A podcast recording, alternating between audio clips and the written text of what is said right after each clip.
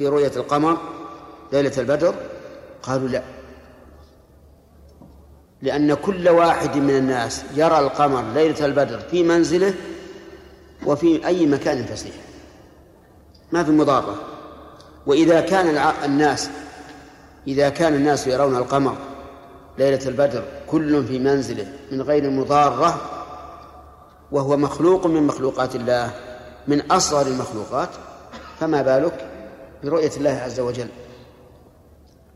قال عليه الصلاة والسلام فإنكم ترونه كذا نعم. قالوا لا. قال هل تضارون في الشمس ليس دونها سحاب؟ قالوا لا يا رسول الله. فضرب صلى الله عليه وسلم مثلا بالقمر ليلة البدر ومثلا بالشمس. والمراد بهذا المثل ليس تمثيل المرئي بالمرئي. لأن الله ليس كمثله شيء. لكن المراد تمثيل تحقيق الرؤية بتحقيق الرؤية. يعني كما أنكم ترون هذا حقا لا إشكال فيه فإنكم ترون الله عز وجل يوم القيامة حقا لا إشكال فيه. ثم ساق الحديث. قال فإنكم ترونه كذلك. كذلك أي كما ترون القمر وكما ترون الشمس. يجمع الله الناس يوم القيامة. فيقول من كان يعبد شيئا فليتبعه. فيتبع من كان يعبد الشمس الشمس. الشمس الثاني مفعول؟ يتبع. ويتبع من كان يعبد القمر القمر. ويتبع من كان يعبد الطواغيت وهو وهذا أعم. الطواغيت. وهؤلاء هم الكفار الخلص. يتبعون أوثانهم التي يعبدونها من دون الله. يبقى المسلمون. المسلمون المؤمنون والمسلمون المنافقون. ولهذا قال وتبقى هذه الأمة فيها منافقوها فيأتيهم الله تبارك وتعالى في صورة غير صورته التي يعرفون. فيقول أنا ربكم فيقولون نعوذ بالله منك. هذا مكاننا حتى يأتينا ربنا. وهذا من الامتحان والاختبار. يأتيهم الله عز وجل إتيانا لا نستطيع أن نكيفه لأن صفات الله الفعلية لا يمكن أن تكيف وكذلك الذاتية والخبرية. يأتيهم الله في صورة غير الصورة التي التي يعرفون. وهل كان الناس يعرفون الصورة؟ صورة الله يعرفون أنه ليس كمثله شيء. فيأتيهم بصورة على غير هذا الوصف. ولكن هل المعنى أنه يتغير أو الذي يتغير النظر أي نظر الناس بمعنى يخيل لهم أنه على صورة غير صورته؟ الظاهر من المراد الثاني. وإن كان هذا خلاف ظاهر اللفظ لكن لأن الله تعالى لا يتغير يحمل على هذا. الله أكبر.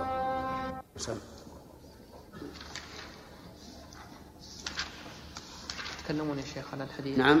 الحديث وقفنا عليه.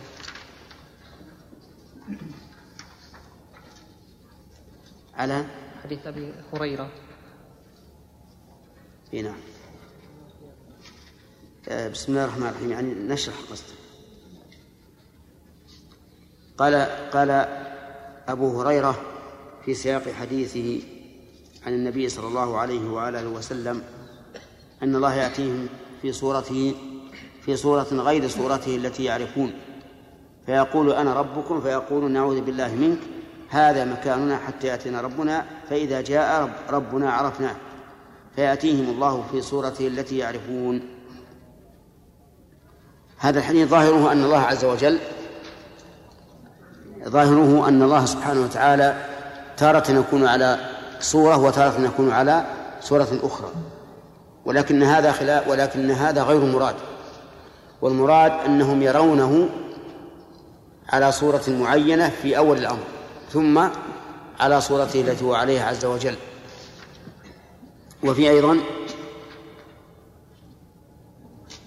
يقول فيقول أن نعم فيقولون أنت ربنا فيتبعونه ويضرب الصراط بين ظهري جهنم.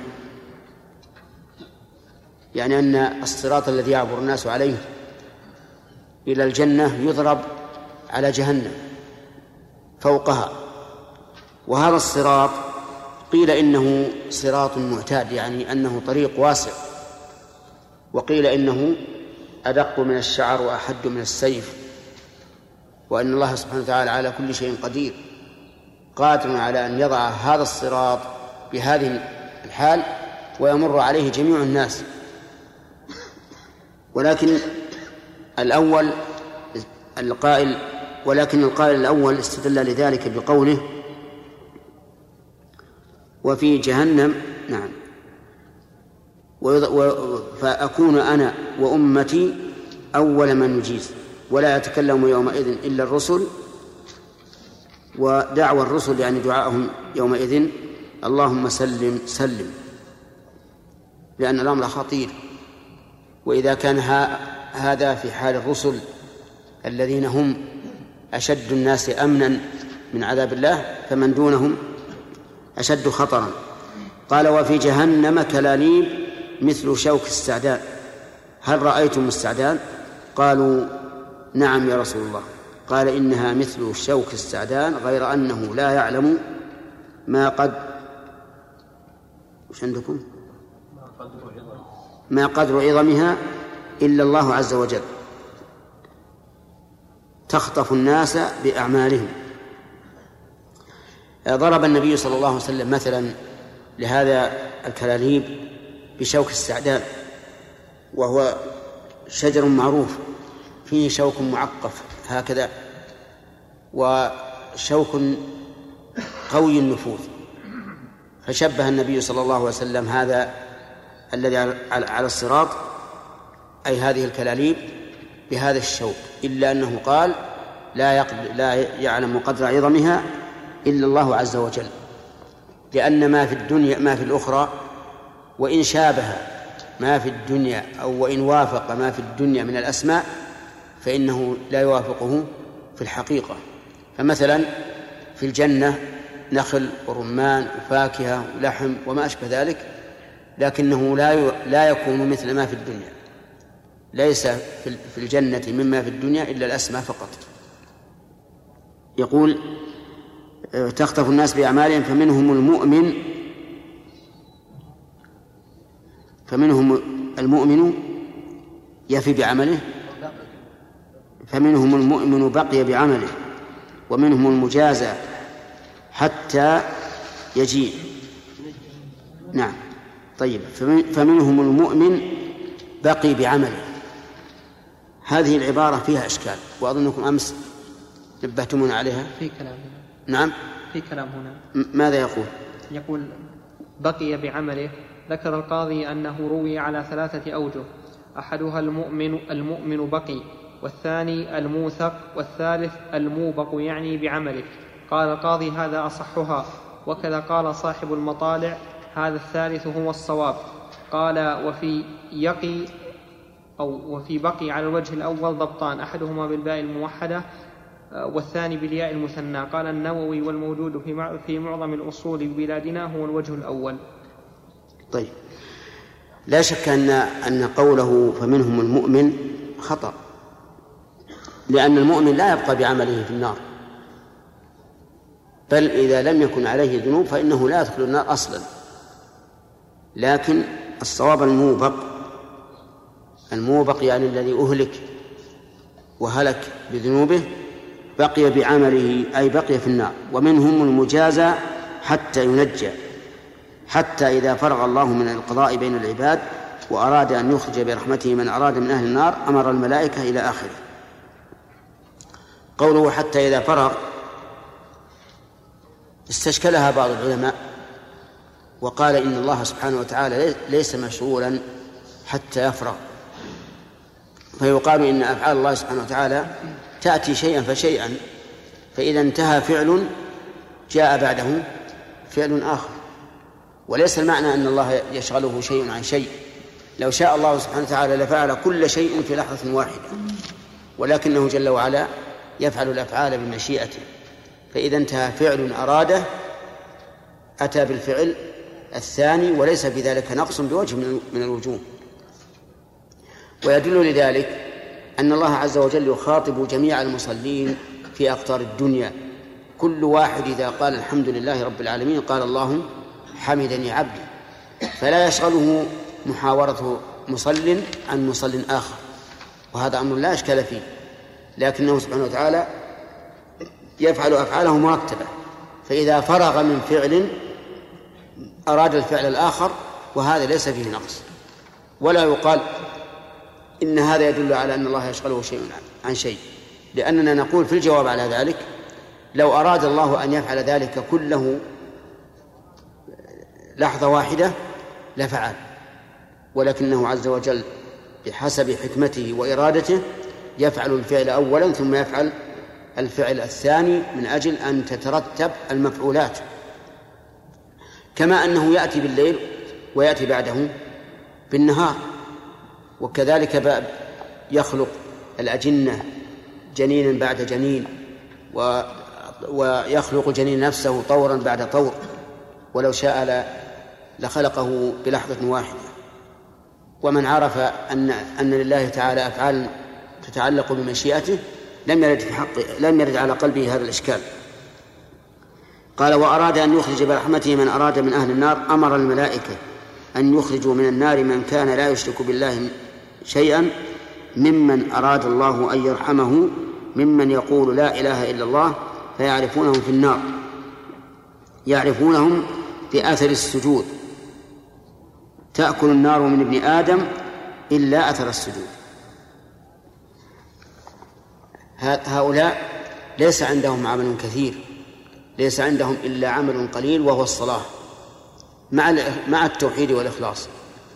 هؤلاء يلقون في النار ولكنهم يعذبون فيها بقدر ذنوبهم ثم يرحمهم الله عز وجل فيأمر الملائكة أن تخرجهم. حرم الله على النار أن تأكل أثر السجود. فيبقون هؤلاء قد أكلتهم النار إلا موضع السجود. ومواضع السجود كم؟ سبعة. هذه لا لا لا لا تأكلها النار. وفي هذا يقول بعض المتوسلين إلى الله عز وجل يقول يا ربي أعضاء السجود عتقتها من فضلك الوافي وأنت الباقي. والعتق يسري في الغنى يا ذا الغنى فمن على الباقي بعتق نعم. فمن على الفاني بعتق الباقي. يعني معناه أن الرجل إذا أعتق جزءا من عبده سر العتق إلى الجميع. فهو يتوسل إلى الله عز وجل بأن يقه نار جهنم حيث إنه إن أعضاء السجود لا تأكلها النار. يقول فيخرجون من النار وقد انتحشوا يعني احترقوا فيصب عليهم ماء الحياة فينبتون فينبتون منه. كما تنبت الحبة في حميل السيل. ثم يفرغ الله من القضاء بين العباد ويبقى رجل مقبل ثم يفرغ ثم يفرغ الله من القضاء بين العباد ويبقى رجل مقبل في وجهه على النار. وهو آخر أهل الجنة دخولا إلى الجنة فيقول أي رب اصرف وجهي عن, عن النار فإنه فإنه قد قشبني ريحها. وأحرقني ذكاؤها. قشبني ريحها يعني آذان. ريح النار. وفي هذا دليل على النار لها رائحة كريهة. لأن وقودها النار والحج... لأن وقودها الناس والحجارة. فستكون هناك رائحة كريهة مما يحترق فيها من الأجسام وكذلك مما يحترق فيها من الحجارة. فيدعو الله, فيدعو الله تعالى ما شاء أن يدعو ثم يقول الله له هل عسيت إن فعلت ذلك بك أن تسأل أن تسأل غيره؟ فيقول لا أسألك غيره. ويعطي ربه من عهود ومواثيق ما شاء الله فيصرف الله وجهه عن النار فإذا أقبل على الجنة ورآها سكت ما شاء الله أن يسكت ثم يقول أي رب أي أي رب قدمني إلى باب الجنة. فيقول الله له أليس قد أعطيتك عهود أليس قد أعطيت عهودك ومواثيقك ألا تسألني؟ غير الذي أعطيتك. ويلك يا ابن آدم ما أغدرك. يقول الله سبحانه وتعالى ذلك له على سبيل الإيناس له وليس على سبيل العتاب لأنه لو كان على سبيل العتاب ما أعطاه سؤله إذ أن الله تعالى لو أرى لو كان ما فعله هذا الرجل لو كان مغضبا لله لم يعطه إياه. لأن الله لا يثيب إلا من أطاع لكن هذا على سبيل إيش؟ الإيناس. يقول ما ما أغدرك. أليس قد أعطيت عهودك ومواثيقك ألا تسألني غير الذي أعطيتك؟ ويلك يا ابن آدم ما أغدرك. فيقول أي ربي يدعو الله حتى يقول له فهل عسيت؟ فهل عسيت إن أعطيتك ذلك أن تسأل غيره؟ فيقول لا وعزتك. فيعطي الله تعالى فيعطي ربه ما شاء من عهود ومواثيق. نعم. فيعطي فيعطي فيعطي ربه ما شاء الله من عهود ومواثيق فيقدمه إلى باب الجنة. فإذا قام على باب الجنة إيش؟ انفهقت. انفهقت انفهقت له الجنة يعني انفتحت. فرأى ما فيها من الخير والسرور فيسكت ما شاء الله أن يسكت. ثم يقول أي ربي أدخلني الجنة فيقول الله تبارك وتعالى له أليس قد أعطيت عمودك ومواثيقك ألا تسأل غير ما أعطيت؟ ويلك يا ابن آدم ما أغدرك؟ فيقول أي ربي لا أكون أشقى خلقك فلا يزال يدعو الله عز وجل حتى يضحك الله تبارك وتعالى منه فإذا ضحك الله منه قال ادخل الجنة. وهذا هو طبيعة الإنسان. إذا أعطي شيئا طلب ما فوقه حتى تنتهي رغبته. وفي هذا الحديث إثبات الضحك لله عز وجل. وهو من صفاته الفعلية المتعلقة بمشيئته. وهو ضحك حقيقي. وقد ورد في عدة أحاديث منها هذا الحديث ومنها قوله صلى الله عليه وسلم يضحك الله إلى رجلين يقتل أحدهما الآخر كلاهما يقتل الجنة. إن كلاهما يقتل الجنة. هذا الضحك حقيقة عند السلف وأئمة أهل السنة ولكنه ليس حقيقة عند من يقول إن الله تعالى لا تقوم به الأفعال الاختيارية. ويفسرون الضحك بلازمه وهو الثواب. يقول هذا كناية عن عن الرضا المستلزم للثواب ولا شك أن هذا تحريف للكلم عن مواضعه. وأي فرق بين أن نثبت لله تعالى ذاتا لا تشبه الذوات أو أن نثبت له ضحكا لا يشبه ضحك المخلوقين؟ فهو ضحك يليق بجلاله وعظمته وعلينا أن نؤمن به. يقول في بقية الحديث فإذا نعم قال ادخل الجنة فإذا دخلها قال الله له تمنه. الهاء هنا للسكت والأصل تمنى. لكن تأتي هاء السكت فيما إذا كان في آخر الكلمة وهي موجودة في القرآن مثل قوله تبارك وتعالى وأما من أوتي كتابه بشماله فيقول يا ليتني لم أوت كتابيه ولم أدري ما حسابيه ما أغنى عني ماليه هلك عني سلطاني. وهنا يقول تمنى يقول أل هنا للسكت؟ فيسأل ربه ويتمنى حتى إن الله لا يذكره من كذا وكذا.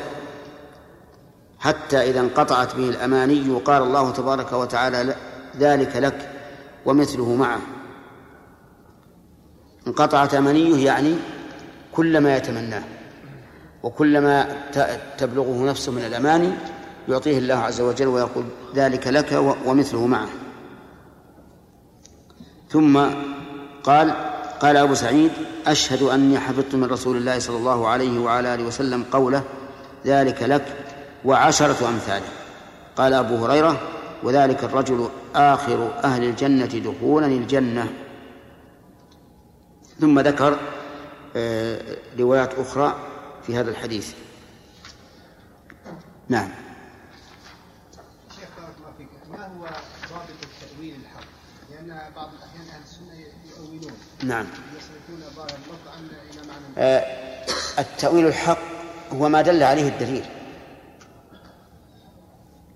ولعلك تأتي بأمثلة.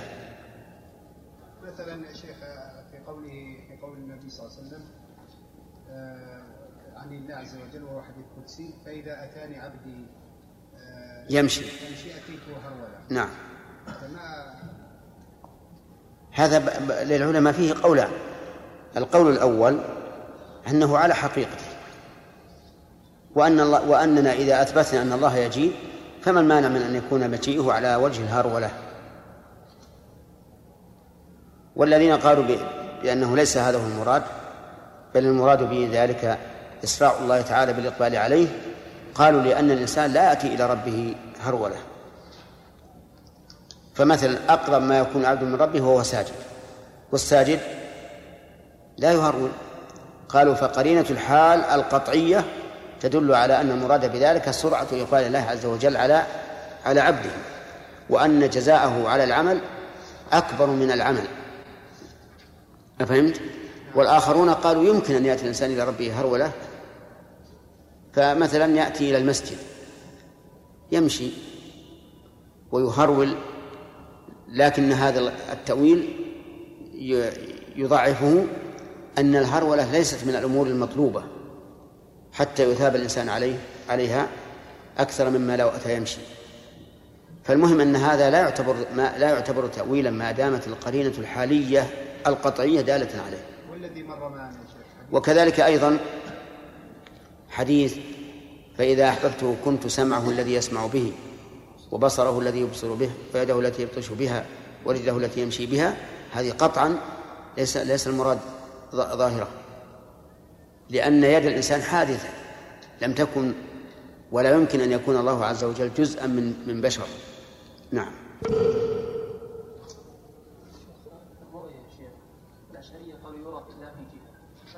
نعم.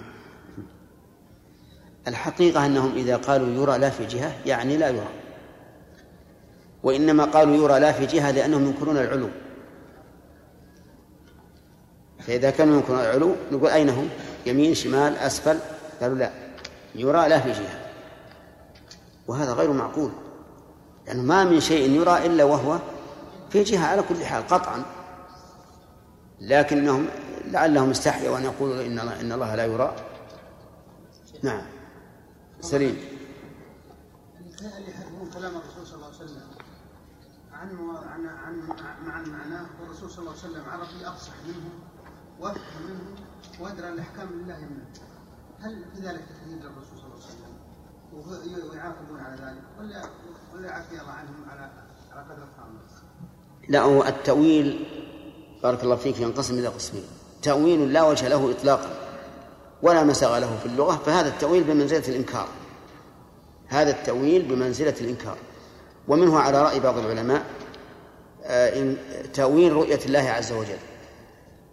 قالوا من أول رؤية الله فهذا بمنزلة المنكر لها لأن الأدلة فيها صريحة واضحة أنها رؤية بالعين حقيقة وتأويل آخر يعني له مساغ في اللغة العربية وله وجه في اللغة العربية لكنه مرجوح فهذا لا يصل. لا يصل بصاحبه إلى حد الكفر ولهذا نقول إنكار إنكار ما دلت عليه النصوص من الصفات ينقسم إلى قسمين إنكار تأويل وإنكار جحد فإن كان إنكار جحد فهو كفر. إذا قال القائل أنا أقول إن الرسول قال كذا لكنه ليس صحيحا فهذا كافر. وأما إنكار التأويل ففيه تفصيل. ما لا يمكن أن يؤول إنكاره تأويله كالإنكار. وما يمكن أن يؤول فتأويله ليس كالإنكار ويكون صاحبه بحسب ما في قلبه. والله تعالى هو الذي يحاسبه. نعم. بسم الله الرحمن الرحيم. الحمد لله رب العالمين. وصلى الله وسلم على نبينا محمد وعلى آله وصحبه أجمعين. قال الإمام مسلم رحمه الله تعالى في كتاب الإيمان من صحيحه. وحدثني سويد بن سعيد. قال حدثني حفص بن ميسرة. عن زيد بن أسلم عن عطاء بن يسار عن أبي سعيد الخدري أن ناسا في زمن رسول الله صلى الله عليه وسلم قالوا يا رسول الله هل نرى ربنا يوم القيامة؟ قال رسول الله صلى الله عليه وسلم نعم. قال هل تضارون في رؤية الشمس بالظهيرة صحوا ليس معها سحاب. وهل تضارون في رؤية القمر ليلة البدر صحوا ليس فيها سحاب. قالوا لا يا رسول الله. قال ما تضارون في رؤية الله تبارك وتعالى يوم القيامة إلا كما تضارون في رؤية أحدهما.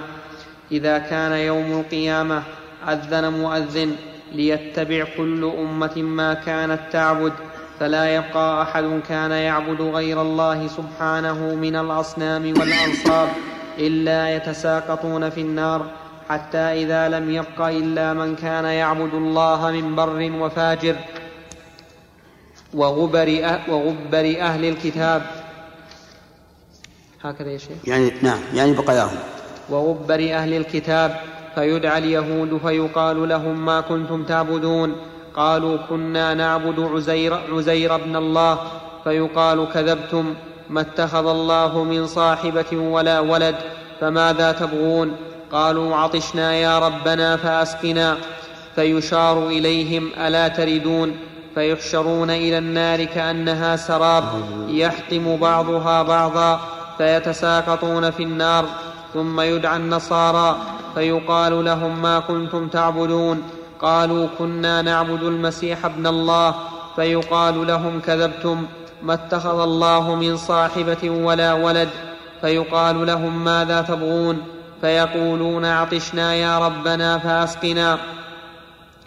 قال فيشار إليهم ألا تردون.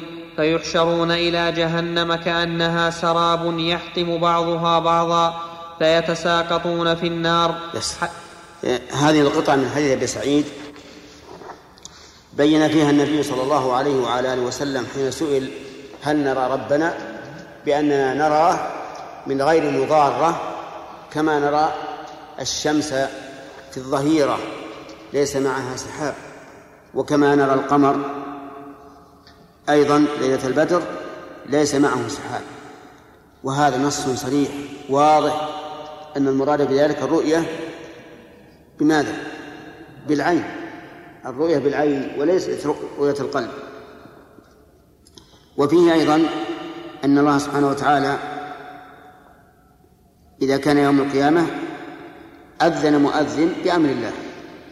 ليتبع كل أمة ما كانت تعبد فلا يبقى أحد مما فلا أح فلا يبقى أحد كان يعبد غير الله سبحانه من الأصنام والأنصاب إلا يتساقطون في النار. لماذا؟ لأن هذه الأصنام والأنصاب تذهب إلى النار فيتبعونها حتى يتساقطوا في النار. وعلى هذا قوله تعالى إنكم وما تعبدون من دون الله حصب جهنم أنتم لها واردون. ثم قال عز وجل لو كان هؤلاء آلهة ما وردوها. ثم ذكر فلا يبقى من فلا يبقى أحد كان يعبد غير الله سبحانه من الأصنام والأنصاب إلا يتساقطون في النار حتى إذا لم يبقى إلا من كان يعبد الله من بر وفاجر وغبر. نعم طيب. حتى إذا لم يبقى. إلا من كان يعبد الله من بر وفاجر أنا عندي وغبر أهل الكتاب لكن لا وجه لهم لأن غبر أهل الكتاب يعني بقاياهم جمع غابر بمعنى الباقي كما قال تعالى إن امرأته كانت من الغابرين. وإذا كان من كان يعبد من هذا وش عرابة؟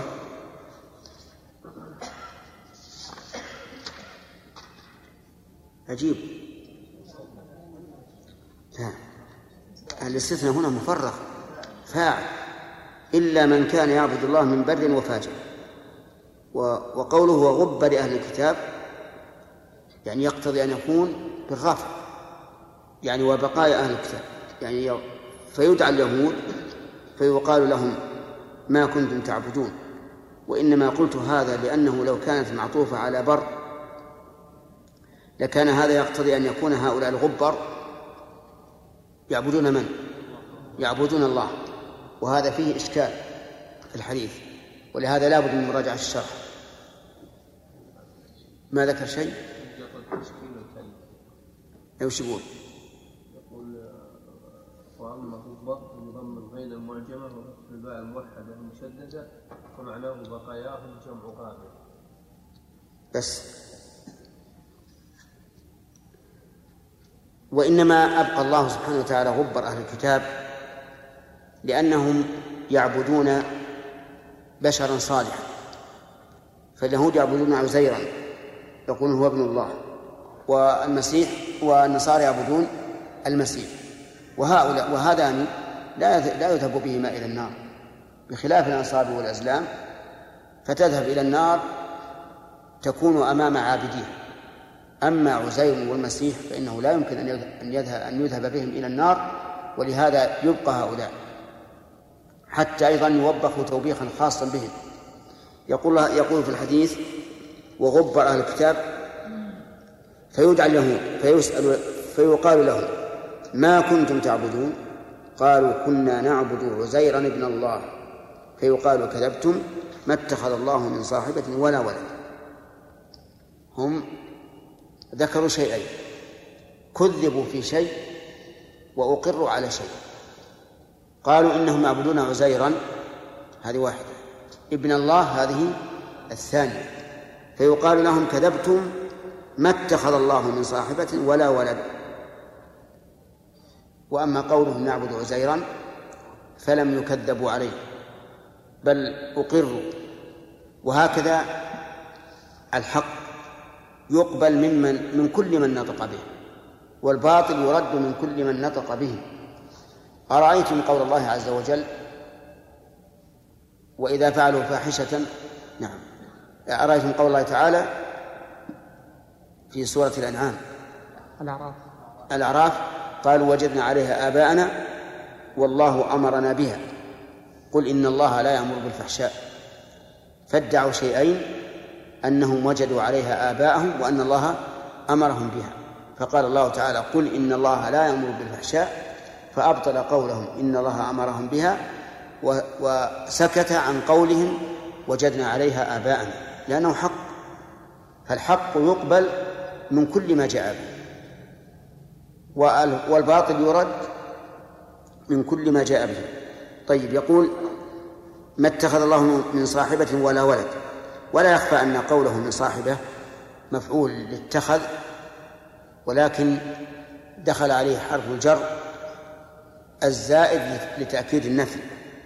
ولا ف فيقال لهم ماذا يبغون؟ قالوا عطشنا يا ربنا فأسقنا فيشار إليهم. ألا تردون؟ فيحشرون إلى النار كأنها سراب يحطم بعضها بعضا فيتساقطون في النار. نسأل الله العافية. يقال لهم ماذا تبغون؟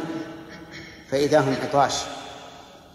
فيقولون يعني عطشنا فنريد أن نشرب. فيشار لهم إلى النار كأنها سراب. السراب ما يرى في في البرية الصحراء كأنه غدير أو نهر وليس كذلك. فيظنون أن هذا حق. فيذهبون إليه فإذا هو النار والعياذ بالله فيتساقطون فيها. ثم يدعى النصارى فيقال, فيقال لهم ما كنتم تعبدون؟ قالوا كنا نعبد المسيح ابن الله. فذكروا شيئين عبادة المسيح والثاني كونه ابن الله. فيقال كذبتم. فيقال لهم كذبتم. ما اتخذ الله من صاحبة ولا ولد فيقال لهم ماذا تبغون؟ فيقولون عطشنا يا ربنا فأسقنا. فيشار إليهم ألا تردون؟ فيحشرون إلى جهنم كأنها سراب يحتم بعضها بعضا فيتساقطون في النار. هذه حالهم والعياذ بالله. فصار الناس ينقسمون إلى ثلاثة أقسام.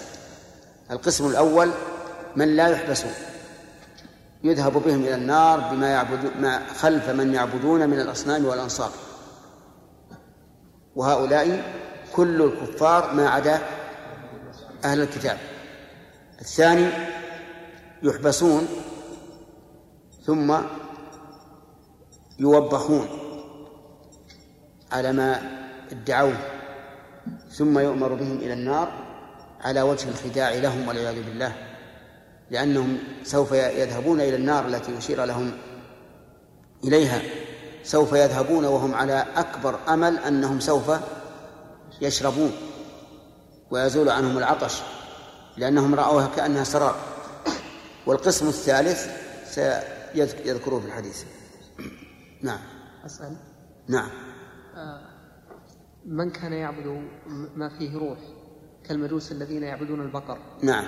أتتبع البقر بالأنصاب والأزلام فتلقى في النار؟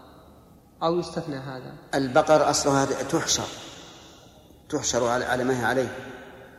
ثم يقال لها كوني ترابا. فإن كان التي تعبد من دون الله تحشر وتستثنى من قوله من, من أن تكون ترابا فلا بد أن الله سبحانه وتعالى آه، يلقيها في النار. لأن الله تعالى لم يستثني من ممن يعبد من دونه في دخول النار إلا من سبقت لهم من من الله الحسنى. كما قال تعالى إن الذين سبقت لهم منا الحسنى أولئك عنها مبعدون ولا بد أن تعذب البهيمة امتهانا لصاحبها. ومن ومن يدعي أنها إله كما أننا نحرق مثلا أموال في الدنيا نحرق أموال الغال وكذلك نحرق دكان باعي الخمر وما أشبه ذلك. ولكن ليظهر لي والله أعلم أنها لا تدخل النار وأنها تكون ترابا مع غيرها من مما يعبد من دون الله. من من من مما لا يعبد من دون الله. نعم. نعم.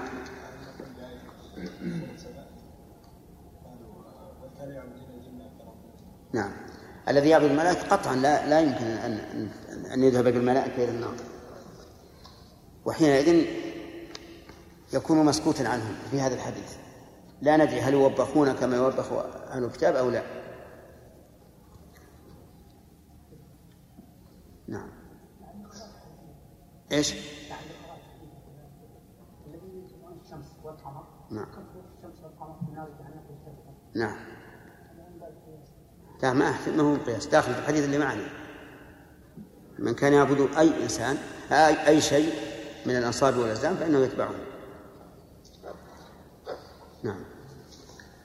حتى إذا لم يبق إلا من كان يعبد الله تعالى من بر وفاجر أتاهم رب العالمين سبحانه وتعالى في أدنى صورة من التي رأوه فيها. قال فماذا تنتظرون؟ تتبع كل أمة ما كانت تعبد. قال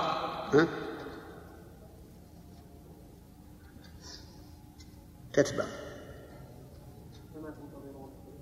إيه؟ فما كما تنتظرون؟ تتبع.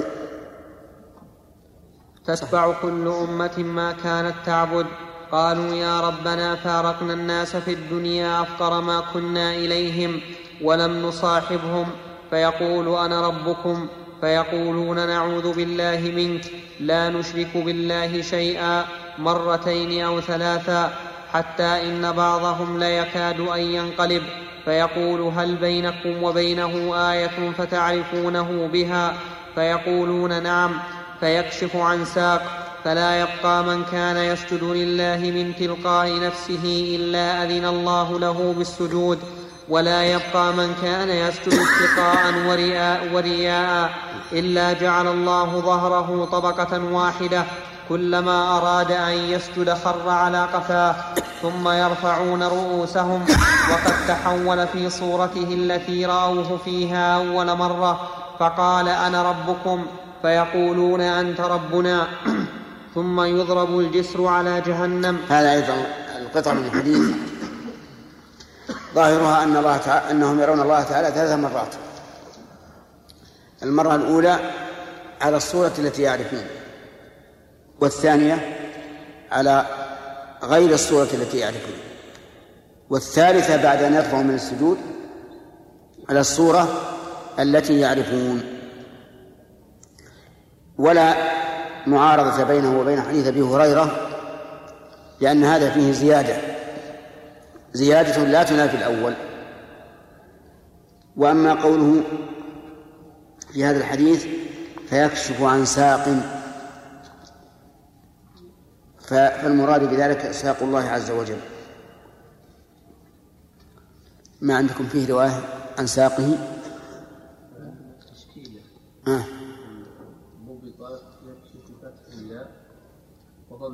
وهما صحيحان وفسر ابن عباس وجمهور أهل اللغة قريب الحديث الساق هنا بالشده فيكشف عن شدة وامر مهول وهذا مثل تضربه العرب لشدة الأمر.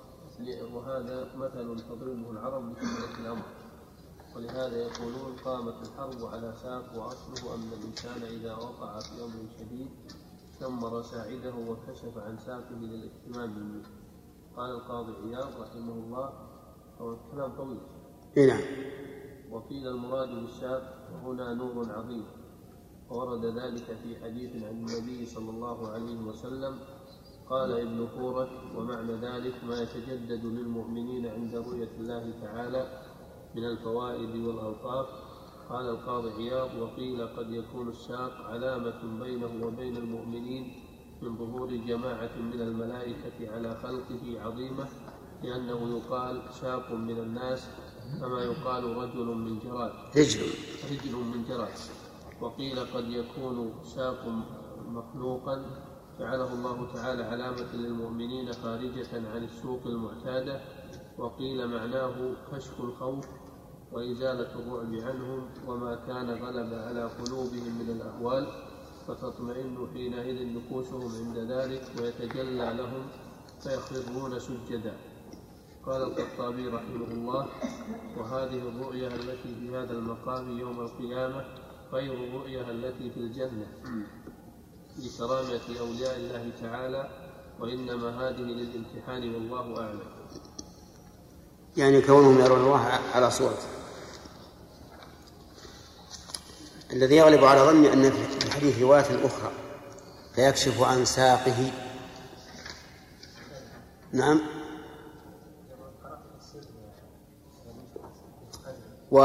فقوله تعالى يوم يكشف عن ساق في هذه الآية قولان للسلف. القول الأول أن المراد به الشدة وهو مروي عن ابن عباس رضي الله عنهما مشهور عنه. والثاني عن ساق الله عز وجل. وكلاهما له وجه.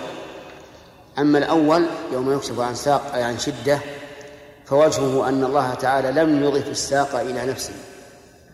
وإذا لم يضفها إلى نفسه فإنه لا يحل لنا أن نضيفها إليه لأن هذه أمور خبرية يقتصر فيها على ما ورد. بخلاف اليد فإن الله أضافها إلى نفسه وبخلاف الوجه وبخلاف العين وبخلاف الأصابع. فما أضافه الله إلى نفسه من هذه الصفات الخبرية وجب علينا أن نؤمن به على أنه من صفات الله عز وجل. وما لم نضف فإنه يبقى على ما هو عليه. لا نضيفه إلى الله. ويكون معنى قوله يوم يكشف عن ساق أي يوم تزول الشدة أو يوم تنزل الشدة. فمن قال يوم تنزل قال لأن من عادة العرب أن الإنسان إذا وقع في شدة رفع ثوبه عن ساقه ليشتد في الهرب منها. ومن قال يكشف ومن قال تزال الشدة قال إن يكشف بمعنى يزال. أما أما القول الثاني في الآية فيقولون إن المراد بالساق ساق الرب عز وجل. ولا شك أن سياق حديث أبي سعيد مع سياق الآية يجتمعان. فإنك إذا تأملت الآية يوم يكشف عن ساق ويدعون إلى السجود فلا يستطيعون. خاشعة أبصارهم تراقهم ذلة وقد كانوا يدعون إلى السجود وهم سالمون. ثم طبقته على ما ثم طبقت الآية على ما جاء في حديث أبي سعيد. تبين لك أن السياق واحد وأن المراد بالآية في قوله يوم يكشف عن ساق هي ساق الله عز وجل. ولا ينبغي لنا أن نشمئز من إثبات الساق لله. فنقول الساق أثبته الله لنفسه كما أثبت القدم وأثبت الرجل وأثبت الوجه وأثبت العين أثبت اليد وأثبت الأصابع. ولا مانع. لأن نقول هذه الصفات لا تماثل صفات المخلوقين كما أن ذاته لا تماثل ذوات المخلوقين. وفي هذا الحديث دليل على أن من كان مخلصا لله تعالى في سجوده في الدنيا يسر الله له السجود في الآخرة. ومن لا يسجد إلا رياء وسمعة والعياذ بالله فإنه لا ييسر له ذلك ويبقى ظهره طبقا واحدا إذا أراد أن يسجد انكفأ على قفاه. نعم. نعم. ها؟ قوله صلى الله عليه وسلم وقد تحول في صورته التي رأوه فيها أول مرة. نعم. لا شيخنا أن التحول يكون في صورة الله نفسه. إيه هذا باعتبار باعتبار ال- الرؤية فقط. باعتبار الرؤية فقط. مع أن الله على كل شيء قدير لكن الظاهر أنه باعتبار الرؤية. ولا إذا كان الله تعالى يقدر أن يحول صور الملائكة إلى إلى بشر فهو قادر على أن يتحول على ما شاء. لكن الظاهر أن المراد التحول باعتبار الرؤية. نعم. ثم يضرب الجسر على جهنم وتحل الشفاعة. ويقولون اللهم سلم سلم. قيل يا رسول الله وما الجسر؟ قال دحض مزلة. فيه خطاطيف فيه خطاطيف وكلاليب وحسك. تكون بنجد فيها شويكة يقال لها السعدان. فيمر المؤمنون كطرف العين وكالبرق وكالريح وكالطير وك وك وكأجاويد الخيل والركاب. فناج مسلم ومخدوش مرسل ومكدوس في نار جهنم حتى إذا خلص المؤمنون من النار فوالذي نفسي بيده ما منكم من أحد بأشد مناشدة لله في استقصاء الحق من المؤمنين لله يوم القيامة لإخوانهم الذين في النار. يقول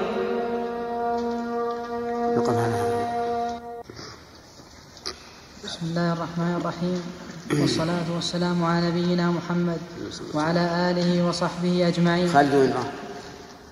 عند تصحيح ها؟ عند تصحيح إيه. نعم حتى إذا خلص المؤمنون من النار فوالذي نفسي بيده ما منكم من أحد بأشد مناشدة لله في استقصاء الحق من المؤمنين لله يوم القيامة لإخوانهم الذين في النار يقولون ربنا كانوا يصومون معنا ويصلون ويحجون فيقال لهم أخرجوا من عرفتم فتحرم وجوههم عن فتحرم صورهم على النار فيخرجون خلقا كثيرا قد أخذت النار إلى نصف ساقيه وإلى ركبتيه ثم يقولون ربنا ما بقي فيها أحد ممن أمرتنا به فيقول ارجعوا فمن وجدتم في قلبه مثقال دينار من خير فمن وجدتم في قلبه مثقال دينار من خير فأخرجوه. فيخرجون خلقا كثيرا ثم يقولون ربنا لم نذر فيها أحدا ممن أمرتنا ثم يقول ارجعوا فمن وجدتم في قلبه مثقال نصف, مثقال نصف دينار من خير فأخرجوه فيخرجون خلقا كثيرا ثم يقولون ربنا لم نذر فيها ممن أمرتنا أحدا ثم يقول ارجعوا فمن وجدتم في قلبه مثقال ذرة من خير فأخرجوه فيخرجون خلقا كثيرا ثم يقولون ربنا لم نذر فيها خيرا. وكان أبو سعيد الخدري يقول إن لم تصدقوني بهذا الحديث فاقرأوا إن شئتم. إن الله لا يظلم مثقال ذرة وإن تك حسنة يضاعفها ويؤتي من لدنه أجرا عظيما. فيقول الله عز وجل شفعت الملائكة وشفع النبيون وشفع المؤمنون. هذه القطعة من هذا الحديث كما ترون فيها أن الله سبحانه وتعالى يكرم من شاء من المؤمنين بقبول شفاعتهم ويأمرهم أن يذهبوا إلى من في النار فيخرجون منها هؤلاء ففيها إكرام هؤلاء الذين أذن لهم بالشفاعة وفيها رحمة أولئك المشفوع لهم وهذا من كرم الله سبحانه وتعالى على هؤلاء وعلى هؤلاء. نعم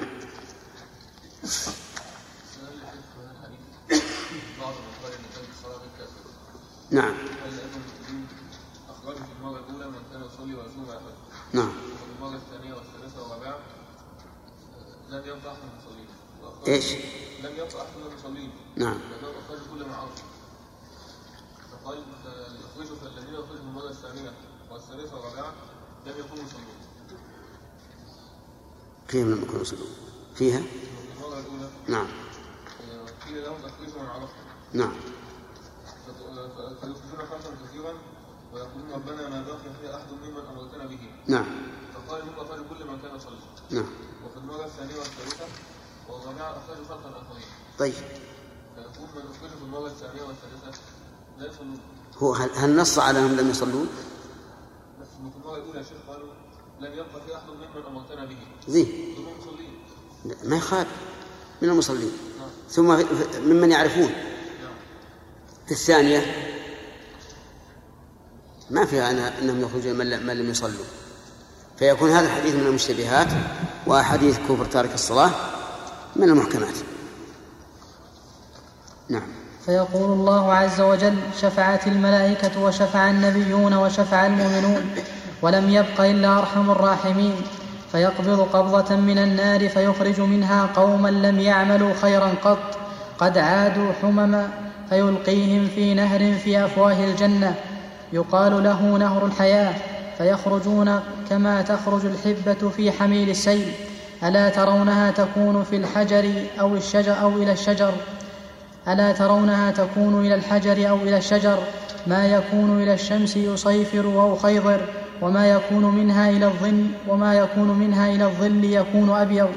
فقالوا يا رسول الله كأنك كنت ترعى بالبادية قال. فيخرجون كاللؤلؤ في رقابهم الخواتيم يعرفهم أهل. الجنة بهيا ولا ما بهيا؟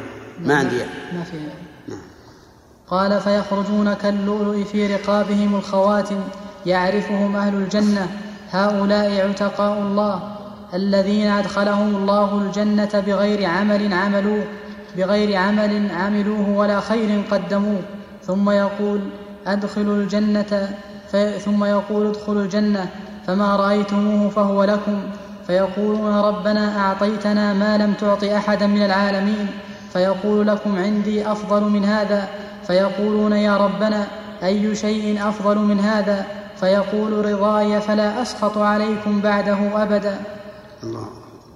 قال مسلم قرأت على عيسى بن حماد زغبة هذا المسلم فيه أيضا القطعة فيها أن الشفاعة تكون من الملائكة والنبيين والمؤمنين عموما. وهذه هي الشفاعة العامة التي تكون للنبي صلى الله عليه وسلم ولغيره من النبيين والمؤمنين والملائكة.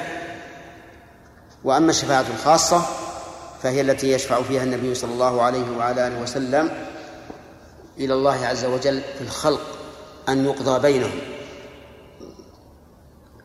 وأكثر الأحاديث جاءت في الشفاعة في أهل النار.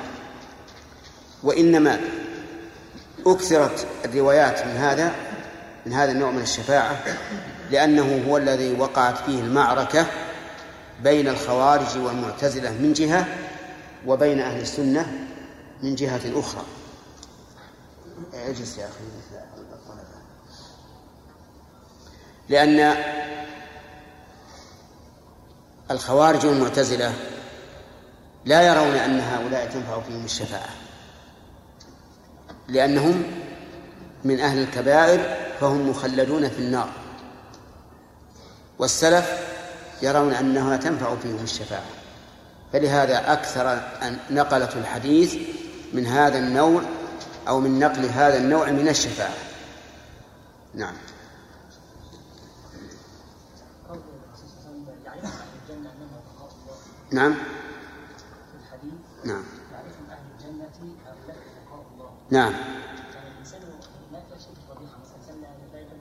الله نعم. هذا فخر لهم. فخر لهم ان الله تعالى من عليهم بأ- بأن أعتقهم. ويكون هذا من باب إظهار فضل الله سبحانه وتعالى. وأما بنعمه ربك فحدث. نعم. عندما ذكر مثال قال لا تكون لا ترون لا تكون إلى الحجر أو نعم. الشجر نعم. صيف وخريف قالوا كأنك كنت ترعى بالبادية. نعم. هذه زراعة يا شيخ وهذه الربط؟ لا لا هذه أيضا في- البر. الأشجار إذا وجدتها مثلا في مجال الشعبان تجد مثلا الذي تكون حولها حجر كما قال النبي عليه الصلاة والسلام ما كان إلى الشمس فهو أصفر أصيفر كما قال أو أخيضر وما كان في الظل فهو فهو أبيض. وأما قوله الشجرة فمعناها الشجرة أكبر منها. نعم. شيخ بارك الله فيك. من صنيع مسلم كغيره من المحدثين أنهم إذا جاءوا بالحديث من سند آخر فانما يقصدون بذلك العلو أو زيادة مثلا في السند. نعم. وهذا الذي يذكر أنه قرأ على عيسى يعني عندما قال قرأت على عيسى بن حماد بن زغبة أو زغبة إسناد فيه بينه وبين رسول الله صلى الله عليه وسلم سبعة والذي قبله فيه خمسة. مع إن الذي قبله كلهم ثقات. فما فائدة الاتيان بهذا السند؟ الظاهر المتابعات فقط. نعم المسلم المحسن كما كما ترون يحرص على المتابعات كثير. ولهذا يسوق ثلاثة أربعة عن شيخ ثم يقول اللفظ لفلان أو يقول قريب من, من, من هذا السياق أو ما أشبه ذلك. لكن يا شيخ ألا ترى أن النزول بعد العلو عيد في ال- لا لا ما دام في تقوية هذا زيادة خير نعم. قال مسلم قرأت على عيسى بن حماد زغبة المصري هذا الحديث في الشفاعة وقلت له أحدث بهذا الحديث عنك أنك سمعت من الليث بن سعد؟ فقال نعم. قلت لعيسى بن حماد أخبركم الليث بن سعد عن خالد بن يزيد عن سعيد عن سعيد بن أبي هلال عن زيد بن أسلم عن عطاء بن يسار عن أبي سعيد الخدري أنه قال قلنا يا رسول الله وربما يكون في هذه القضية الخاصة ربما يكون هناك مثل خلاف المحدثين في بأنه سمع منه أو لم يسمع. اللي هو عيسى. هل سمع من الليث أم لم يسمع؟ ربما. أي لكن هذا الرجل. نعم. وهي؟ تأتي الآن. طيب.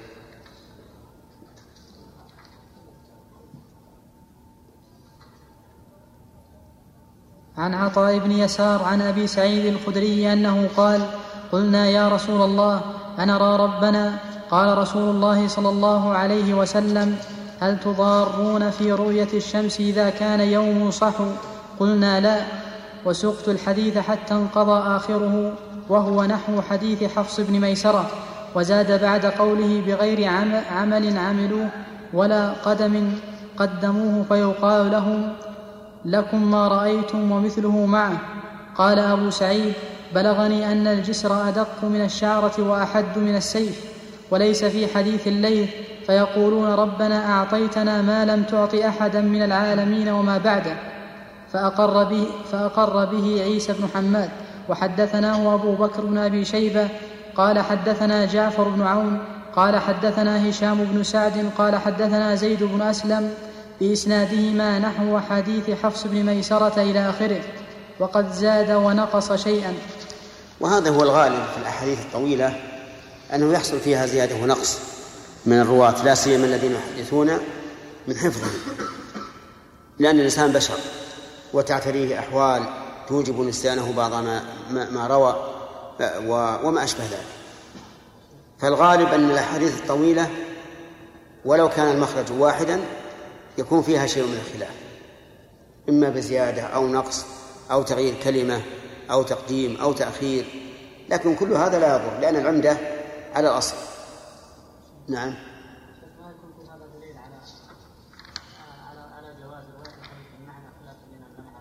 هذا أدلته ما تحصى كل كتب الحديث كلها تدل على هذا.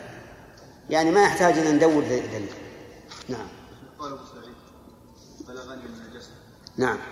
هذا يقولون العلماء إنه يسمى حديثا بلاغا. فهل يلحق بالمرفوع لأن أبا سعيد رضي الله عنه إذا قال بلغني مستدلا به فلا بد أن يكون على أصل. ولهذا حكم بعضهم على على مثل هذه الصيغة أنها مرفوعة حكما وأنا كقوله يبلغ به أو يرفعه أو ما أشبه ذلك. نعم. باب إثبات الشفاعة وإخراج الموحدين من النار.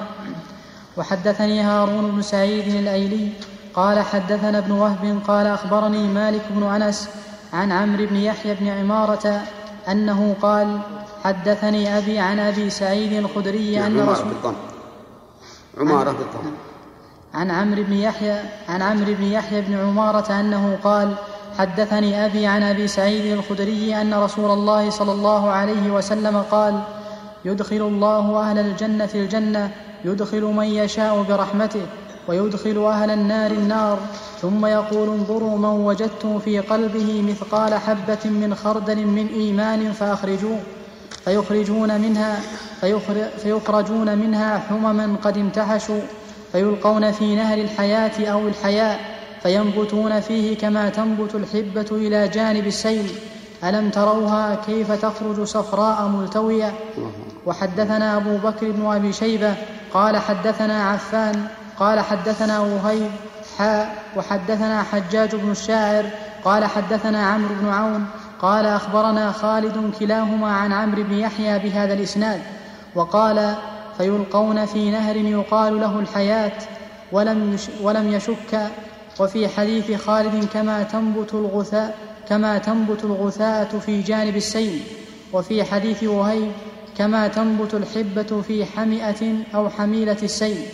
وحدثني, وحدثني نصر بن علي الجهضمي قال حدثنا بشر يعني بن المفضل عن أبي سلمة عن أبي مسلمة عن أبي نضرة عن أبي سعيد قال قال رسول الله صلى الله عليه وسلم أما أهل النار الذين هم أهلها فإنهم لا يموتون فيها ولا يحيون ولكن ناس أصابتهم النار بذنوبهم أو قال بخطاياهم فأماتتهم, فأماتهم إماتة حتى إذا كانوا فحما أذن بالشفاعة فجيء بهم ضبائر ضبائر فبثوا على أنهار الجنة ثم قيل يا أهل الجنة أفيضوا عليهم فينبتون نبات الحبة تكون في حميل السيل فقال رجل من القوم كأن رسول الله صلى الله عليه وسلم قد كان بالبادية. وحدثناه محمد بن مثنى وابن بشار. قال حدثنا محمد بن جعفر. قال حدثنا شعبة عن أبي مسلمة.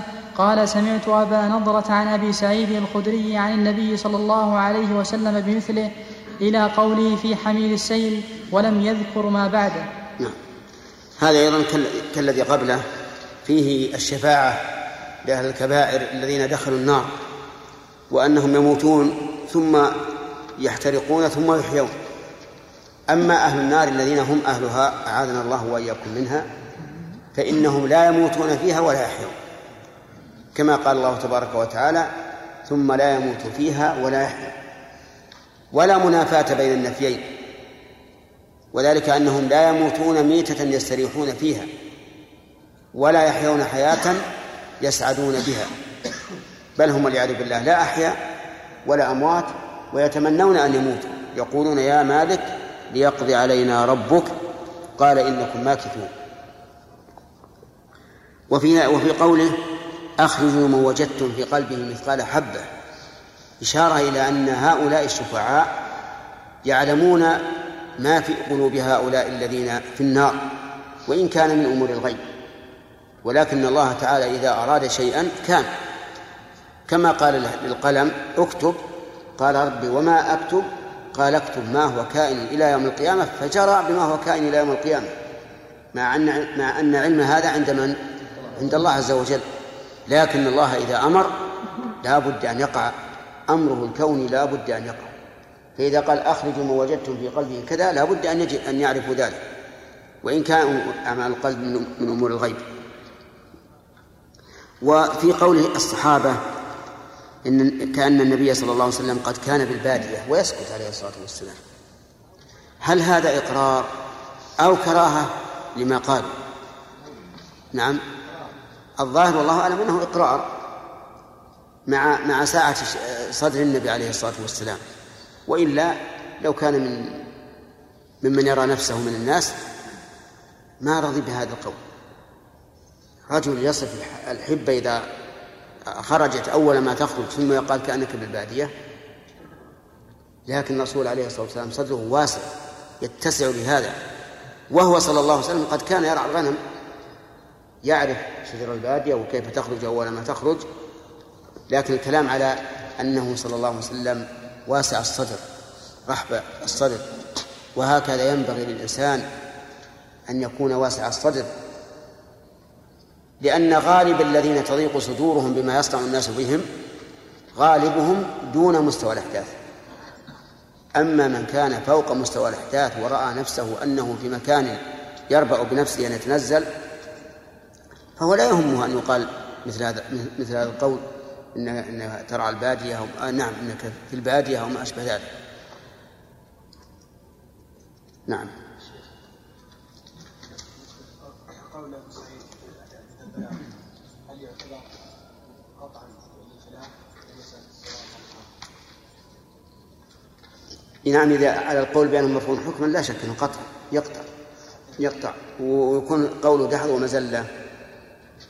ليس صريحا بأنه طريق واسع.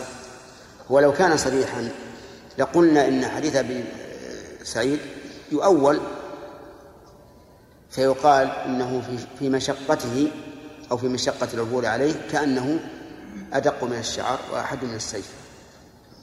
وعلى كل حال أمور الآخرة لا تقاس بأمور الدنيا. وإلا كيف يدخلها العالم هذه؟ تمشي على شيء أدق من الشعر وأحد من السيف. ثم هو ظاهر النصوص أنه طريق واحد. يعني ليست جسورا ينفذ الناس من كل جسم. فالله أعلم. علينا أن نؤمن ونقول العلم عند الله. نعم. كلها الحبة الحبة نعم. إيه الظاهر أن الحبة نوع معين يسمى الحب. غير عموم الحبوب نعم. باب آخر أهل النار خروجا حدثنا عثمان بن أبي شيبة وإسحاق بن إبراهيم الحنظلي كلاهما عن جرير. قال عثمان حدثنا جرير عن منصور عن إبراهيم عن عبيدة عن عبد الله بن مسعود. قال قال رسول الله صلى الله عليه وسلم إني لأعلم آخر أهل النار خروجا منها وآخر أهل الجنة دخولا الجنة رجل يخرج من النار حبوا فيقول الله تبارك وتعالى له اذهب فادخل الجنة فيأتيها فيخيل إليه أنها ملأى فيرجع فيقول يا رب وجدتها ملأى فيقول الله تبارك وتعالى له اذهب فادخل الجنة قال فيأتيها فيخيل إليه أنها ملأى.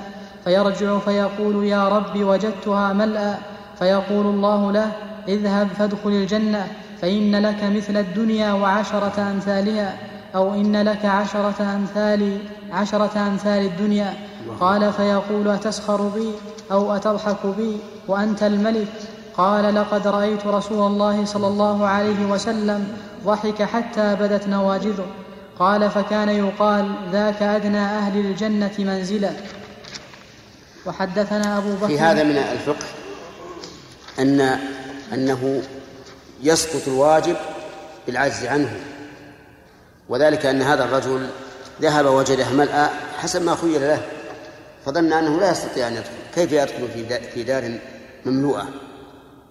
فرجع ولم يعاتبه الله ولكنه أمره ثانية وأمره ثالثة وفي الثالثة أخبره بأنه سيجد مثل الدنيا وعشر أمثال الدنيا.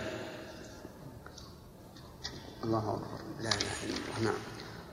وحدثنا أبو بكر بن أبي شيبة وأبو كريب واللفظ لأبي كريب قال حدثنا أبو معاوية عن الأعمش عن إبراهيم عن عبيدة عن عبد الله قال قال رسول الله صلى الله عليه وسلم إني لأعرف آخر أهل النار خروجا من النار رجل يخرج منها زحفا فيقال له انطلق فادخل الجنة. قال فيذهب فيدخل الجنة فيجد الناس قد أخذوا المنازل. فيقال له أتذكر الزمان الذي كنت فيه؟ فيقول نعم. فيقال له تمنى. فيتمنى. فيقال له لك الذي تمنيت وعشرة أضعاف الدنيا. قال فيقول أتسخر بي وأنت الملك؟ قال فلقد رأيت رسول الله صلى الله عليه وسلم ضحك حتى بدت نواجذه. حدثنا أبو بكر بن أبي شيبة قال حدثنا عفان بن مسلم قال حدثنا حماد بن, مسل... حماد بن سلمة قال حدثنا ثابت عن أنس عن ابن مسعود أن رسول الله صلى الله عليه وسلم قال آخر من يدخل الجنة رجل فهو يمشي مرة ويكبو مرة وتسفعه النار مرة فإذا ما جاوزها التفت إليها فقال تبارك الذي نجاني منك. لقد أعطاني, لقد أعطاني الله شيئا ما يمشي مرة معروف. يكبو مرة يعني يسقط على وجهه. وتسعفه النار مرة يعني تلفح وجهه حتى يستو يسود كالسعفة تلفحها النار. وفي السياق سياق الأحاديث الأولى الحديثين السابقين يقول إنه يخرج حبوا أو زحفا. ولا منافاه فلعله في الأول يخرج زحفا أو حبوا ثم يرى نفسه ذا قوة على القيام فيقوم ثم يحصل له هذا التعثر. نعم. فإذا ما جاوزها التفت إليها فقال تبارك الذي نجاني منك لقد أعطاني الله شيئا ما أعطاه أحدا من الأولين والآخرين. فترفع له شجرة فيقول أي رب طيب وش الذي أعطاه الله؟ النجاة من النار نعم. فالسلامة من الشر منها. نعم. فيقول أي رب أدنني من هذه الشجرة فلأستظل بظلها وأشرب من مائها. فيقول الله عز وجل يا ابن آدم لعلي إن أعطيتكها سألتني غيرها فيقول لا يا رب ويعاهده ألا يسأله غيرها وربه يعذره وربه يعذره لأنه يرى ما لا صبر له عليه فيدنيه منها فيستظل بظلها ويشرب من مائها ثم ترفع له شجرة هي أحسن من الأولى فيقول أي رب أدنني من هذه لأشرب من مائها وأستظل بظلها لا أسألك لا أسألك غيرها. فيقول يا ابن آدم ألم تعاهدني ألا تسألني غيرها؟ فيقول فيقول لعلي إن أدنيتك منها تسأل تسألني غيرها.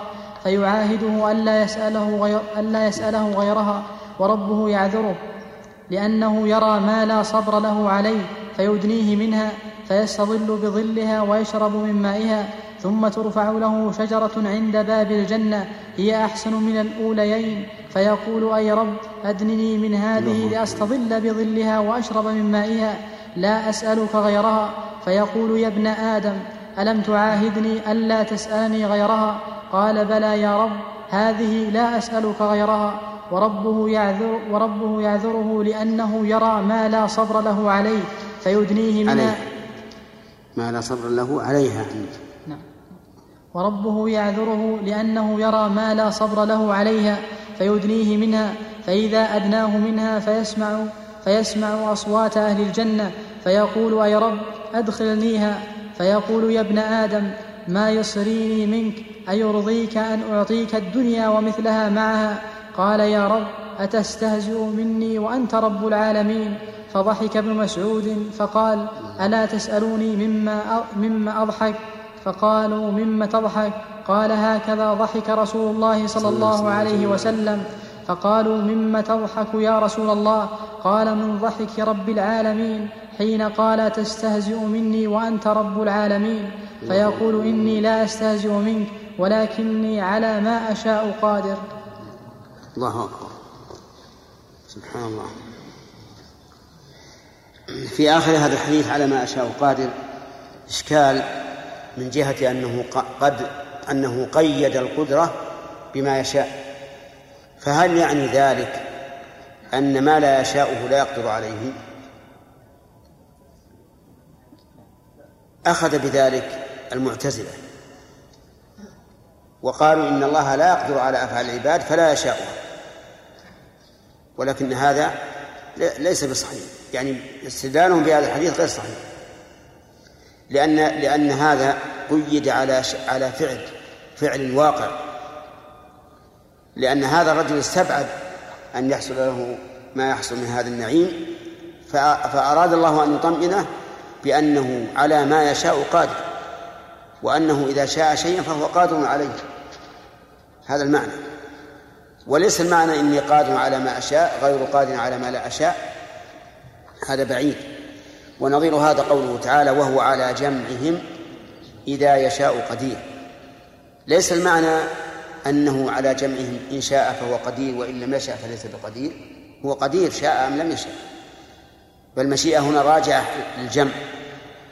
يعني إذا شاء جمعهم فإنه ليس بعاجز عنهم وهذا أيضا هذا النعيم الذي حصل لهذا الرجل. إذا شاء شاءه الله فهو قادر عليه. أما لو قلت إن الله على كل شيء قدير فقلت إن الله على ما يشاء قدير فلا لا يصح هذا. لأن الله تعالى أطلق وصفه بالقدرة فقال إن الله على كل شيء قدير وكان الله على كل شيء قديرا. وما أشبه ذلك بخلاف القدرة المقيدة بشيء معين فإن معناها أنه لما شاءه لم يعجز عنه.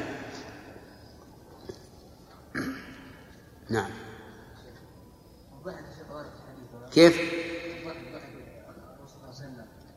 هناك حديث واردة كثيرة في السنة هناك إيش؟ كثيرة واردة نعم فيها ضحك الرسول صلى الله عليه وسلم نعم كيف؟ والله على كل حال إذا إذا صار في قلبك ما في قلب الرسول عليه الصلاة والسلام حتى ضحكت أما أن تتعمد الضحك فلا أظن هذا من من الاتباع هذا شيء يدل على الفرح والسرور فيضحك الإنسان. أما أن تتعمد فلا أظن هذا من السنة. اللهم نعم.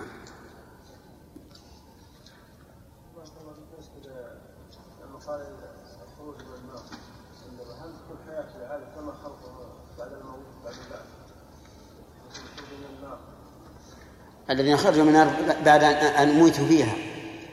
إي نعم. هؤلاء صاروا في نهر الحياة أو الحياة فأحياهم الله. لكن لا يقال أن هذا الموت من جنس موت الدنيا. لو كان كذلك لكان أميت عدة مرات. فالظاهر والله أعلم أنه موت آخر. موت بمعنى أن لا أن لا يصيبهم إحساس بعذاب النار. نعم. شيخ ذكرت مرة أن أنه لا يجوز أن يشير الرجل بإحدى حواسه إذا ذكر صفة من صفات الله عز وجل. نعم. وهنا الرسول صلى الله عليه وسلم يعني ذكر ضحك الله عز وجل ثم ضحك. أي. كذلك في حديث آخر أنه لا هو حديث أبي هريرة لما قال إن الله كان سميعا بصيرا هذا واضح. واضح. وقد عرفنا جوابه فيما سبق. أما هذا فليس المراد أن الرسول يريد أن يشبه ضحك الله. أو أن يمثل ضحك الله. لكن هو في نفسه صار في قلبه من الفرح والسرور ما استدعى الضحك. يعني لا يريد أن يبين ضحك الله عز وجل. أما حديث أبي هريرة في وضع أصبعيه في في أذنيه وعينيه فهذا صحيح. أراد بذلك تحقيق السمع والبصر أنه ليس هو العلم كما يقول بعض بعض المعتزلة. نعم. باب أدنى أهل الجنة منزلة فيها حدثنا أبو بكر بن أبي شيبة قال حدثنا يحيى بن أبي بكير قال حدثنا زهير بن محمد عن سهيل بن أبي صالح عن النعمان بن أبي عياش عن أبي سعيد الخدري أن رسول الله صلى الله عليه وسلم قال إن أدنى أهل الجنة منزلة رجل صرف الله وجهه عن النار قبل الجنة ومثل له شجرة ذات ظل فقال أي رب! قدمني إلى هذه الشجرة أكون في ظلها وساق الحديث بنحو حديث ابن مسعود ولم يذكر فيقول يا ابن آدم ما يصريني منك إلى آخر الحديث وزاد فيه ويذكره الله سل كذا وكذا فإذا انقطعت به الأماني قال الله هو لك وعشرة أمثاله قال ثم يدخل بيته فتدخل عليه زوجتاه من الحور العين فتقولان فتقولان الحمد لله الذي أحياك لنا وأحيانا لك. قال فيقول ما أعطي أحد مثل ما أعطيت. حدثنا سعيد بن عمرو الأشعثي.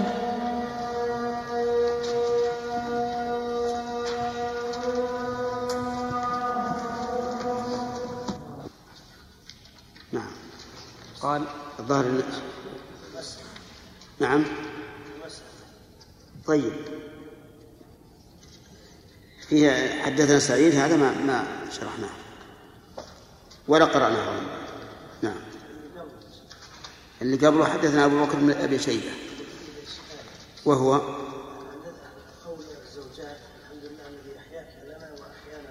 نعم. نعم. نعم هما ما في وفاة. الإحياء هنا بمعنى الإيجاد يعني أوجدنا لك أو خلقنا لك. وليس المعنى أحيانا بعد موت نعم. قال الإمام مسلم رحمه الله تعالى في كتاب الإيمان من صحيحه حدثنا سعيد بن عمرو بن عمرو الأشعثي قال حدثنا سفيان بن عيينة عن مطرف وابن أبجر عن الشعبي قال سمعت المغيرة بن شعبة رواية إن شاء سمعت المغيرة بن شعبة رواية إن شاء الله. حاء وحدثنا ابن أبي عمر. قال حدثنا سفيان. قال حدثنا مطرف هذه مر علينا مثلها في قول إن شاء الله. وذكرنا أن السبب في ذلك والله أعلم أن الراوي نسي ولكن ترجح عنده أنه حصل حصل هذا. فقال إن شاء الله. نعم. قال حدثنا مطرف بن طريف ابن طريف وعبد الملك بن سعيد سمع الشعبي يخبر عن المغيرة. أنهما. أنه نعم. أنهما سمع الشعبي يخبر عن المغيرة عن المغيرة بن شعبة. قال سمعته على المنبر يرفعه إلى رسول الله صلى الله عليه وسلم. قال وحدثني بشر بن الحكم واللفظ له قال حدثنا سفيان بن عيينة قال حدثنا مطرف وابن أبجر أنهما سمع الشعبي يقول سمعت المغيرة بن شعبة يخبر به الناس على المنبر قال سفيان رفعه أحدهما أراه ابن, أراه ابن أبجر قال سأل موسى ربه ما أدنى أهل الجنة منزله قال هو رجل يجيء بعدما أدخل أهل الجنة الجنة فيقال له فيقال له ادخل الجنة فيقول أي رب كيف؟ وقد نزل الناس منازلهم وأخذوا, أخ وأخذوا أخذاتهم فيقال لها فيقال له أترضى أن يكون لك مثل مثل ملك مل مثل مل أترضى فيقال له أترضى أن يكون لك مثل ملك ملك من ملوك الدنيا؟ فيقول رضيت رب فيقول لك ذلك ومثله ومثله ومثله ومثله. فقال في الخامسة رضيت رب.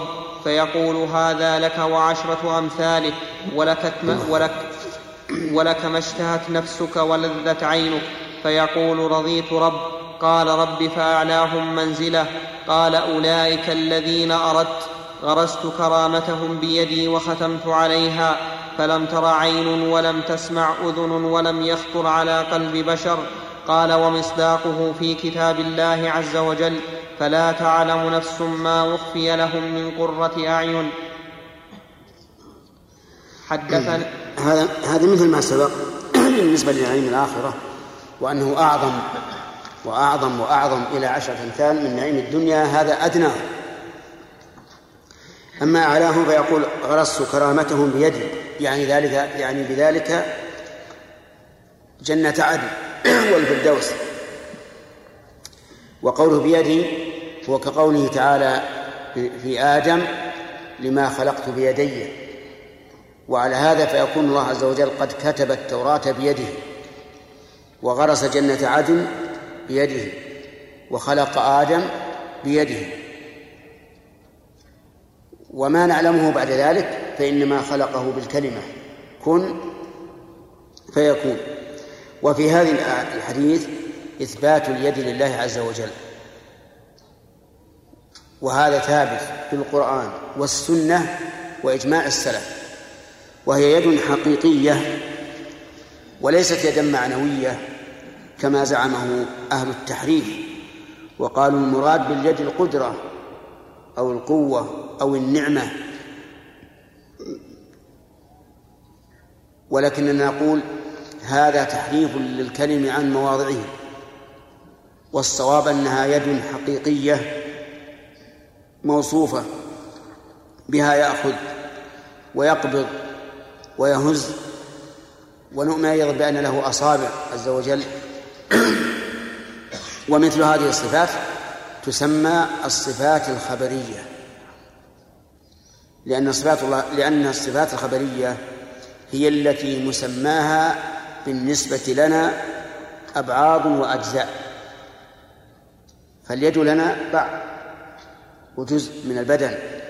لكننا لا نقول مثل ذلك بالنسبة لله عز وجل بل نقول هي يد حقيقية وهي من الصفات الخبرية التي لا يهتدي لها العقل.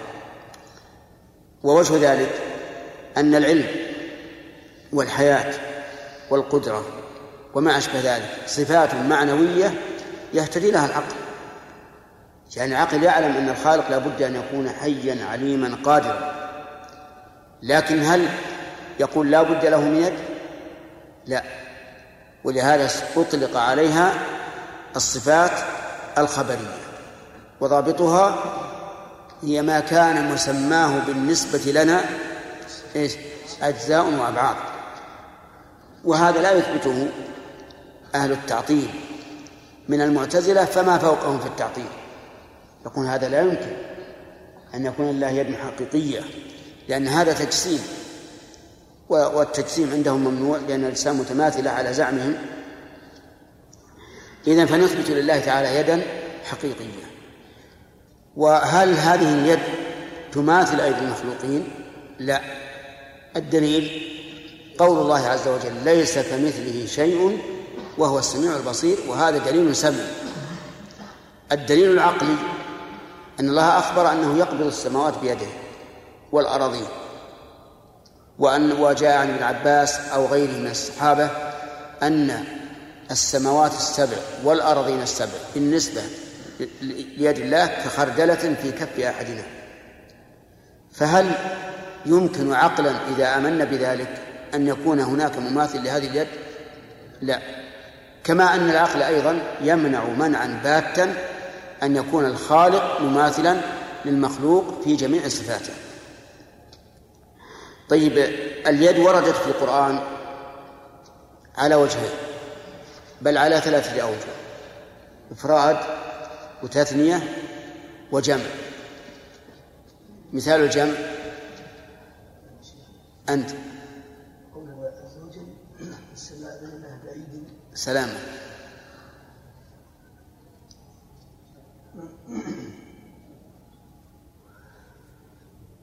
يحيى. نعم. طيب. المثال الذي ذكره الأخ اسمك محمد. ها؟ سلمان. ما المثال الذي ذكره أخونا سلمان بن ابن ميمون. سلمان الميمون. لماذا قلنا إنه غير صحيح؟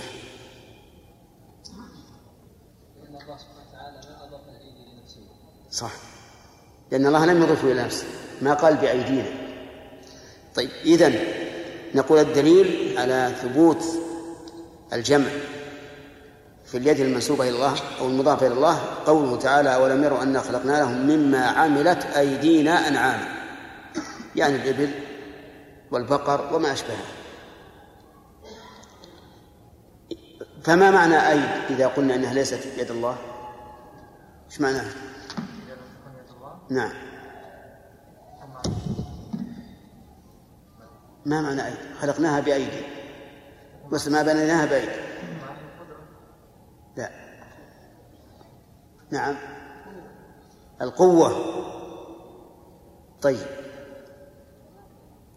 آه وما هي من حيث الاشتقاق؟ اسم فاعل أو اسم مفعول.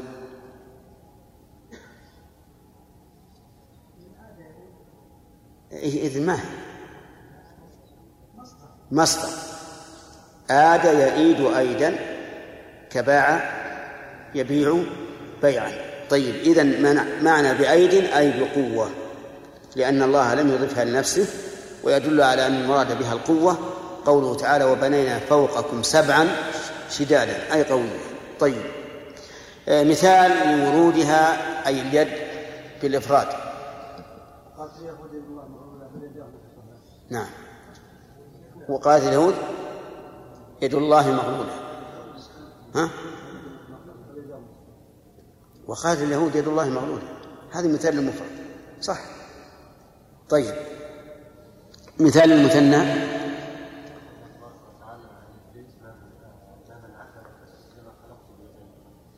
قوله تعالى ما منعك أن تسجد لما خلقت بيدي صح. أما إذا قال قائل كيف نجمع بين هذه الوجوه؟ فالجمع بينها سهل أما بالنسبة للمفرد فلا ينافي التعدد إطلاقا لأن المفرد المضاف يعم. ولهذا لو قال الرجل أعتقت عبدي وله عشرة أعبد ولم ينو عبدا معينا اعتق جميع العبيد ولو قال طلقت زوجتي ولم ينو زوجة معينة طلق جميع النساء. فالمفرد لا ينافي التعدد. يبقى عندنا الجمع بين الجمع أي بين ما ورد مجموعا وما ورد مثنى. هذا أيضا الجمع بينهما سهل. فيقال إن قلنا بأن أقل الجمع اثنان فلا تعارض إطلاقا لأننا نحمل الجمع على أقل مدلوله. وإن قلنا بأن أقل الجمع ثلاثة فالجمع هنا يراد به التعظيم. والجمع يرد للتعظيم حتى في المفرد. فنحن مثلا ضمير للجمع وقد يعبر به عن نفسه وهو واحد.